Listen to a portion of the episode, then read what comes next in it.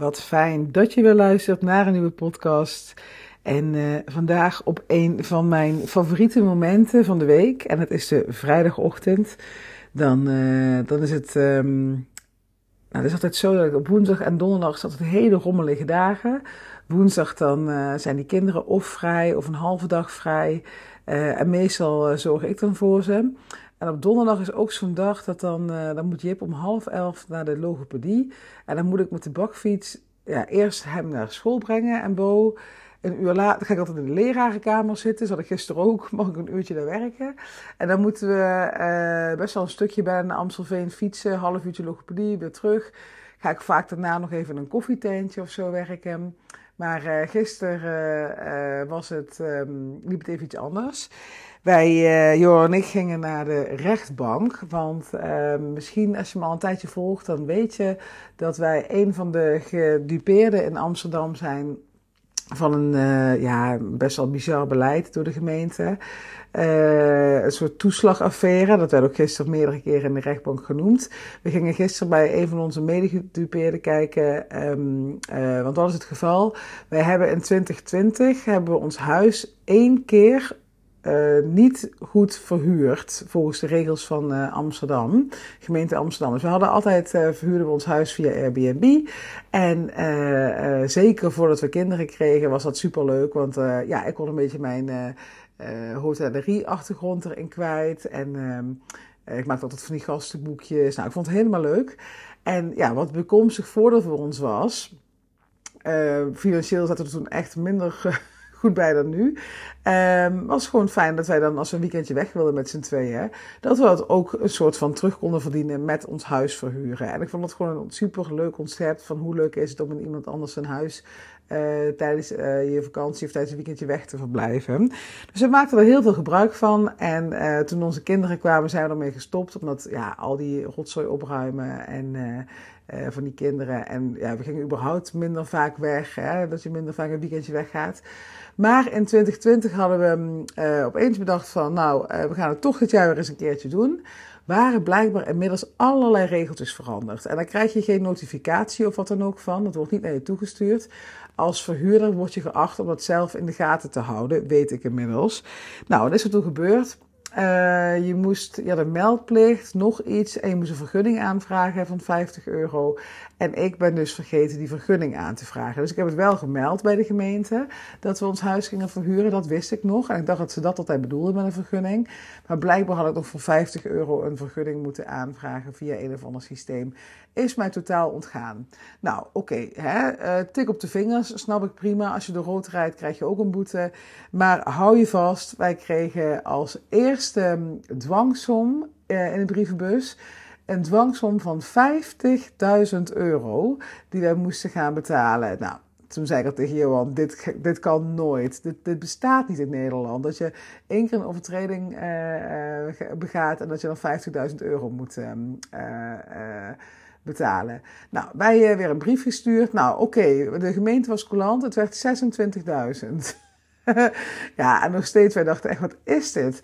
Nou, toen zijn we, inmiddels had het ook wel de media bereikt, want er waren heel veel andere gedupeerden. En dus echt geen huisjesmelkertje, want daar, daar doet de gemeente het om. Of tenminste, degene die dat ooit bedacht heeft, die inmiddels al niet meer in de politiek zit, die wilde dus echt een... Um, ja, lik op stuk beleid dat mensen dus niet meer een huis uh, gingen verhuren omdat er heel veel uh, overlast is van toeristen in Amsterdam. Maar dat is dit helemaal niet. Dit, dit is gewoon sporadische huisverhuren, maximaal 60 dagen per jaar. Nou, wij deden het dus één keer per jaar. En uh, nou, 26.000 boete. Nou, dat is allemaal um, uh, voor de raad gekomen. En Johan heeft nog ergens op een, uh, ik geloof op een vrijdagochtend, mocht hij inspreken bij de gemeenteraad. Heeft hij Femke Halsema toegesproken. Die ook enorm schrok van deze bedragen. En toen hebben ze het verlaagd naar 3000 euro. Dus we kwamen van 50.000 euro naar 3000 euro. Dus zou je kunnen zeggen, ja, hè, valt, valt mee. Um, je zou kunnen zeggen van uh, betaal die 3000 euro en zand erover. Maar wij vinden nog steeds met um, ja, onze groep van uh, gedupeerden, zijn er zijn nu 18 rechtszaken gaande. Uh, de eerste twee zijn geweest, wij zijn volgende week. Um, wij vinden nog steeds ja, voor een eerste overtreding en wat echt een menselijke fout is. En als je ziet, even side note, wat de gemeente voor menselijke fouten naar ons toegemaakt heeft. Um, ja, dan zou je dit of een eerste keer hè, uh, een waarschuwing moeten geven of door de vingers moeten zien. Of zoals in Utrecht een boete van 150 euro geven. Dat zou ik zo schappelijk vinden, zelfs als ze zouden zeggen: Nou, we hebben toen volgens mij dat weekend 550 euro verdiend. Als ze zeggen van nou dat moet je afstaan, zou ik ook prima akkoord mee zijn. Maar 3000 euro vind ik nog steeds uh, belachelijk. Dus wij gingen gisteren naar uh, nummer 2, Alex. Een van de gedupeerden die de, de rechtbank zat met advocaat. Wij gaan het zelf zonder advocaat doen. En um, ja, het was wel heel fijn om te zien dat de rechter enorm op de hand was van, van hem dus. En dat um, de gemeente die daar, die had twee afgevaardigden gestuurd ja, voor mijn gevoel zaten ze echt op de slagbank. En uh, deze mensen moeten nog 18 uh, van dit soort zittingen doen. Maar goed, hè, het zegt in die end niks. Uh, uiteindelijk moet de rechter dit gaan toetsen. En um, kan het natuurlijk alsnog zijn dat het niet voordelig voor ons uitpakt. Dat weet je natuurlijk niet. Maar het leek er in eerste instantie op het, um, dat, dat, dat, er wel weer een, een, een matiging op gaat komen. Hè. Ja, dus wij. Um, we hebben goede hoop voor volgende week. Uh, dan zijn we aan de beurt. Nou, als je deze podcast luistert, dan uh, is het gisteren al geweest volgens mij. Dan, uh, dan hebben we de, op donderdag 16 februari hebben wij de zitting gehad. En ik ben heel benieuwd wat eruit gaat komen. Het duurt nog zes weken voordat je de uitspraak krijgt. En uh, ook heel benieuwd hoe het met uh, alle andere deelnemers van uh, ja, de gedupeerden uit Amsterdam zal gaan. Ik zal je nog even updaten. Ik weet dat mensen het best wel interessant vinden. Er is heel veel. Er komt vandaag ook een stuk in de Telegraaf hierover. Er zat gisteren een journalist bij um, in, in de rechtbank. En die zei ook van dat, ja, je gaat, het, het, is echt. De jongen die gisteren in die rechtbank zat, die heeft dus, die, die had een boete van uiteindelijk 6000 euro. En de gemeente heeft toen gezegd van, die ga je nu betalen, anders dan gaan we beslag leggen op, op je huis. Ik vind het zo heftig allemaal. En die heeft toen um, uh, geld bij zijn moeder geleend. Um, om dit te kunnen betalen. Echt, uh, het is schandalig voor woorden dat, dat, het zover is moeten komen. En um, ja, goed. Dus dit soort dingen, ik hoop heel erg voor hem dat het... Uh, hij het ook net ziet als ons. Uh, ja, zijn vriend was net weggeloos geworden of zo. En gewoon in een, in een roerige tijd even één ding is niet gedaan. Terwijl je het ervoor en daarna wel keurig gemeld hebt. Dus nou ja, hè, waar gaat het allemaal over? Uh, dus dat was gisteren. Dus was allemaal woensdag en donderdag allemaal rommelig, rommelig, rommelig. En vandaag heb ik dan zo'n dag dat ik lekker kan vlammen. Want Johan zorgt op vrijdag voor de kinderen. Die, heeft, die ze nu naar school brengen. Het is half negen ochtends. En ik dacht, laat ik nog even een podcast opnemen. Um, want ik wil je vandaag uh, even helpen met iets. Ik weet dat er heel veel vrouwen bij mijn webinar zijn geweest die um, ergens voelen: ik wil het anders. Ik wil een, uh, een ander leven. Ik wil niet meer een, uh, een loondienst. Maar ik, ik wil meer autonoom zijn. Ik wil mijn vrijheid. Ik wil werken op mijn manier. Mijn dagen invullen zoals ik dat wil. Maar die dan toch zitten van ja, wat moet ik dan gaan doen hè? In, in godsnaam als, um, als ondernemer. En waar moet ik beginnen? En ik heb niet eens een idee. En ik heb er al eens eerder een podcast over opgenomen. Ik weet even het nummer niet uit mijn hoofd. Ik denk dat het tussen de laatste twintig zit. En dat is iets van, je hebt geen goed idee nodig om een... Um, uh, om een bedrijf te starten. Ik zal nog even een korte samenvatting van geven. Dat heel vaak, en dat was ik ook, hè, hoe vaak ik heb zitten brainstormen met vrienden en vriendinnen van, uh, oh, wat zou nou een goed idee zijn? Hè? Wat zou nou een gat in de markt zijn? En ja, dat heb je dus helemaal niet nodig als je naar het ondernemerschap gaat. En dan zitten mensen altijd echt te klapperen met hun oren van, hè? Je moet toch wel een goed idee hebben als je gaat starten met ondernemen? Nee. Nee. Het is echt het klinkt heel raar, maar het idee ontwikkelt zich naarmate jij stappen gaat zetten. En als jij in je hoofd blijft zitten met ik heb geen goed idee, ik heb geen goed idee, ik wil een goed idee, ja, je blokkeert je hele brein en er gaat niks uitkomen. Als jij stapjes gaat zetten en gewoon gaat onderzoeken van hé, hey, wat zou ik eens kunnen gaan doen, waar word ik gelukkig van, heel belangrijk hè. Als je start met ondernemen van ga niet kijken van natuurlijk is het heel belangrijk wat jouw klant wil, maar ga ook kijken waar jij energie van krijgt, waar jij gelukkig van wordt. Want anders gaat het niet stromen. En dan ben je eigenlijk weer terug bij af en een loondienst. En ben je werk aan doen waar je eigenlijk helemaal niet gelukkig van wordt. Dus als je kiest voor ondernemerschap, tip 1, zorg echt dat je iets gaat zoeken waar je enorm gelukkig van wordt. Um, en dan als tweede ga ik je ook meegeven. We,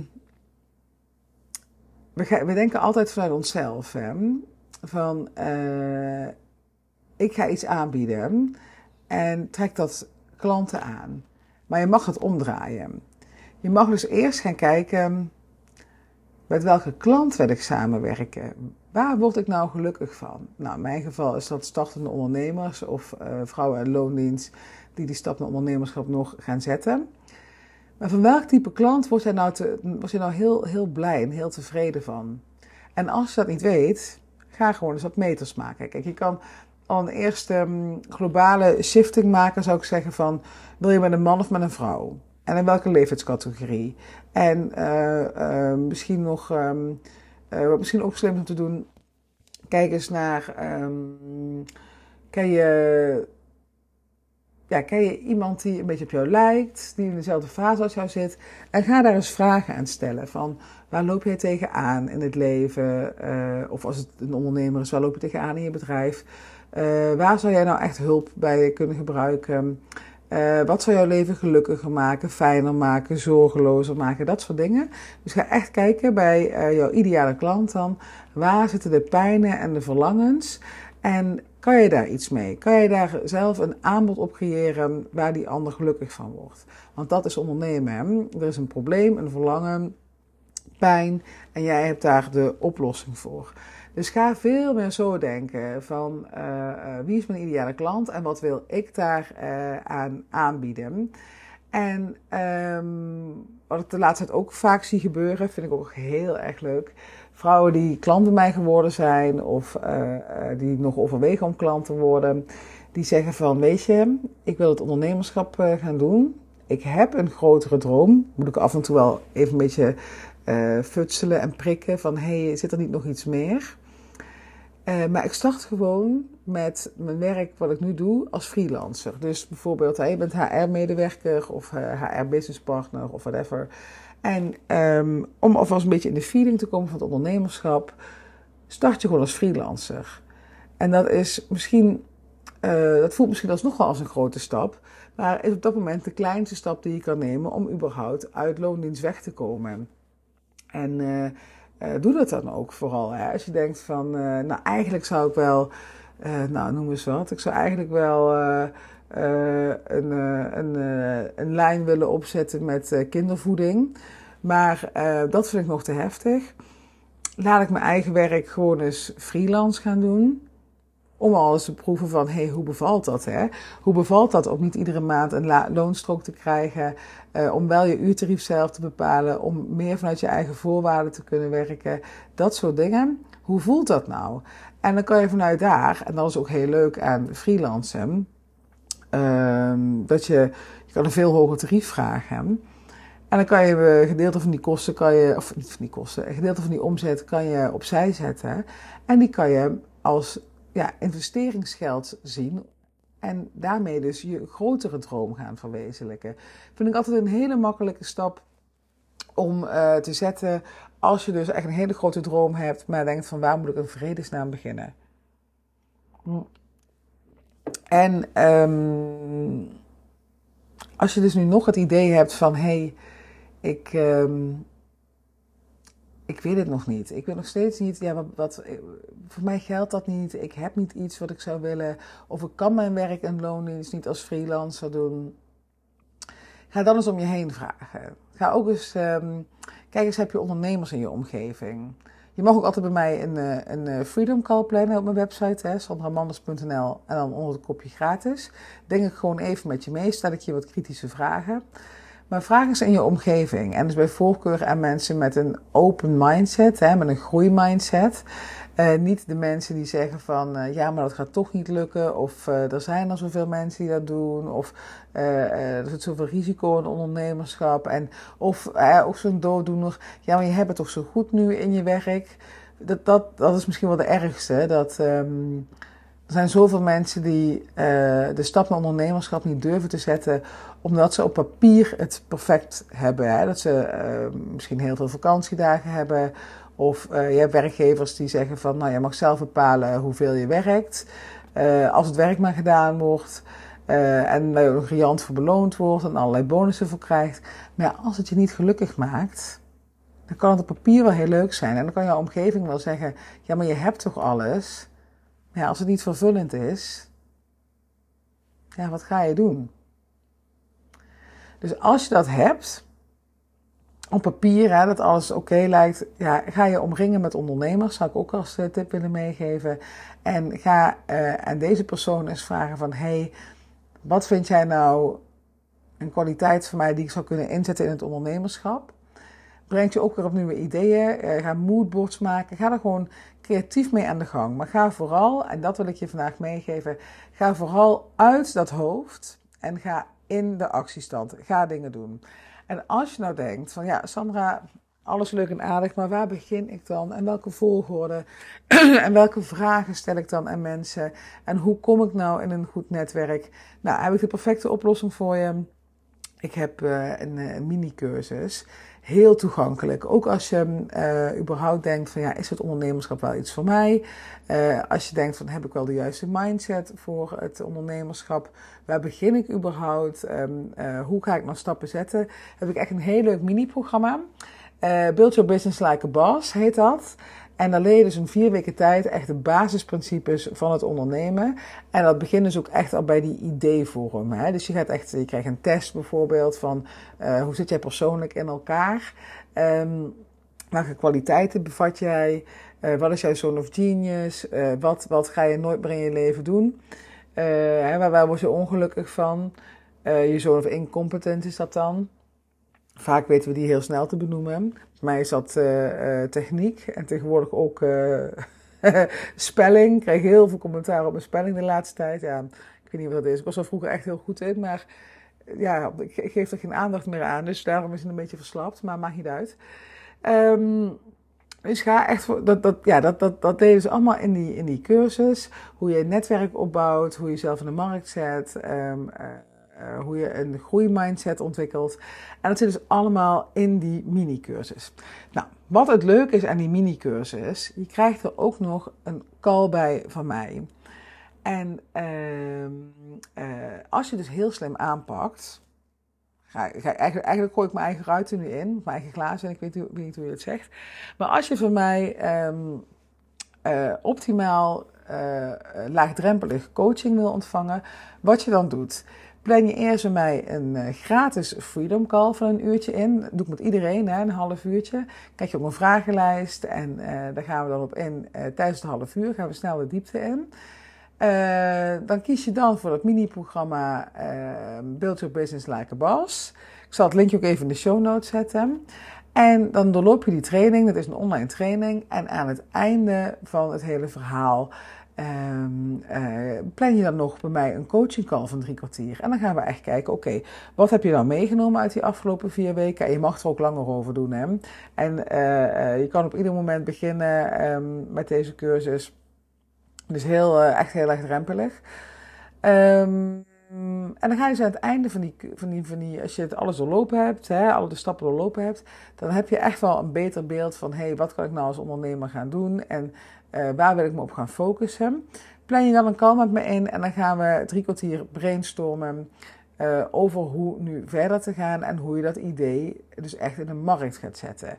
Dus dat zou ik echt doen uh, als je optimaal laagdrempelig met een lage investering dit, dit wil gaan doen. Vaak um, um, de dames die gelijk voor Bye Bye Boss Hello Freedom kiezen, die voelen urgentie. Die voelen het is nu of nooit, ik ga ervoor en ik ga het bedrijf van A tot Z helemaal rocken en ik ga dit jaar ga ik vlammen en ik wil uit loondienst. Dat zijn de dames die kiezen voor mijn grote programma. Maar voor het kleine programma, dat zijn dames die nog zoekende zijn. Wat ik zelf ook heel lang geweest ben. En dat is ook de reden waarom ik deze cursus uh, destijds gemaakt heb. Dit, had mij zo goed kunnen helpen, naast mijn baan- en loondienst, om een idee te krijgen, om een, om een soort focus te krijgen. Ik denk dat dat misschien wel het belangrijkste woord is. Je krijgt meer focus en meer visie en je weet wat je moet gaan doen, zonder dat je ook maar ja, een uur hoeft in te leveren van je baan- en loondienst. Dus als je nog in die fase zit, een beetje twijfelend, is het iets voor mij? Wil ik dit wel? Ja, ik zou echt zeggen, bespaar je al die slapeloze nachten, kopzorgen, gepieker, getwijfel.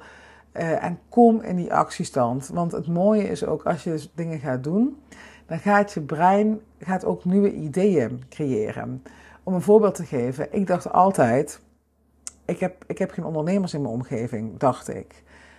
Maar toen ik dus uiteindelijk besloot om voor ondernemerschap te gaan en stappen ging zetten, toen dacht ik opeens van, hé, hey, laat ik eens gewoon een lijstje maken. En laat ik eens uh, alle mensen die, uh, die ik op Facebook of op LinkedIn, hè, waar ik mee connected ben, die al ondernemer zijn, laat ik die eens in een lijstje gaan zetten. En kijken of ik daar vragen aan kan gaan stellen of koffietjes mee kan gaan drinken. Was, van tevoren was het nooit in me opgekomen dat te gaan doen. Maar doordat ik in die actiestand kwam, ja, je brein gaat gewoon jouw inspiratie geven en jouw inspired actions geven Waardoor je dus vooruit komt. En dat is zoveel krachtiger dan maar blijven malen of googelen en achter die desktop te blijven zitten. Um, dus ik zou echt zeggen, als je in die fase zit en je denkt van nou, ik wil echt doorpakken, maar wel op een heel laagdrempelig niveau. Ik weet nog niet zeker uh, wanneer en hoe ik hiermee aan de slag ga. Of als je nu in een periode in je leven zit dat je denkt, ja, uh, uh, nou, ik had laatst iemand. Um, die wil heel graag gaan ondernemen, maar ja, is ook zwanger van het derde kind. Ja, dan snap ik dat je misschien wat minder grote stappen uh, gaat zetten. Maar je kan wel al starten. Hè? Dat is wat ik altijd zeg. Je kan altijd iets gaan doen. Je kan altijd stappen ondernemen, al zijn ze maar piepklein. En uh, dat, dan hoef je niet eens gelijk naar de KVK te rennen. Maar je kan wel al stappen zetten richting jouw toekomst. En dat is zoveel fijner. Dat geeft zo'n voldaan gevoel. In plaats van maar in die, uh, ja in die droomfase te blijven. Is ook leuk, hè, fantaseren. Maar ondertussen de tijd verstrijkt. En voor mijn gevoel hebben we al twee jaar weggegooid met corona. Uh, dus ja, de time is now, laat ik het zo maar zeggen. Als je voelt, ik wil iets gaan doen, ja, kijk eens even of deze training wat voor je is. En uh, je mag me er altijd een berichtje over sturen. Um, ja, laat ik daarmee afsluiten. En uh, volgens mij luister je deze podcast op een vrijdag. Dus ik wens je alvast een heel fijn weekend en heel veel liefs en tot uh, volgende week. Doei doei!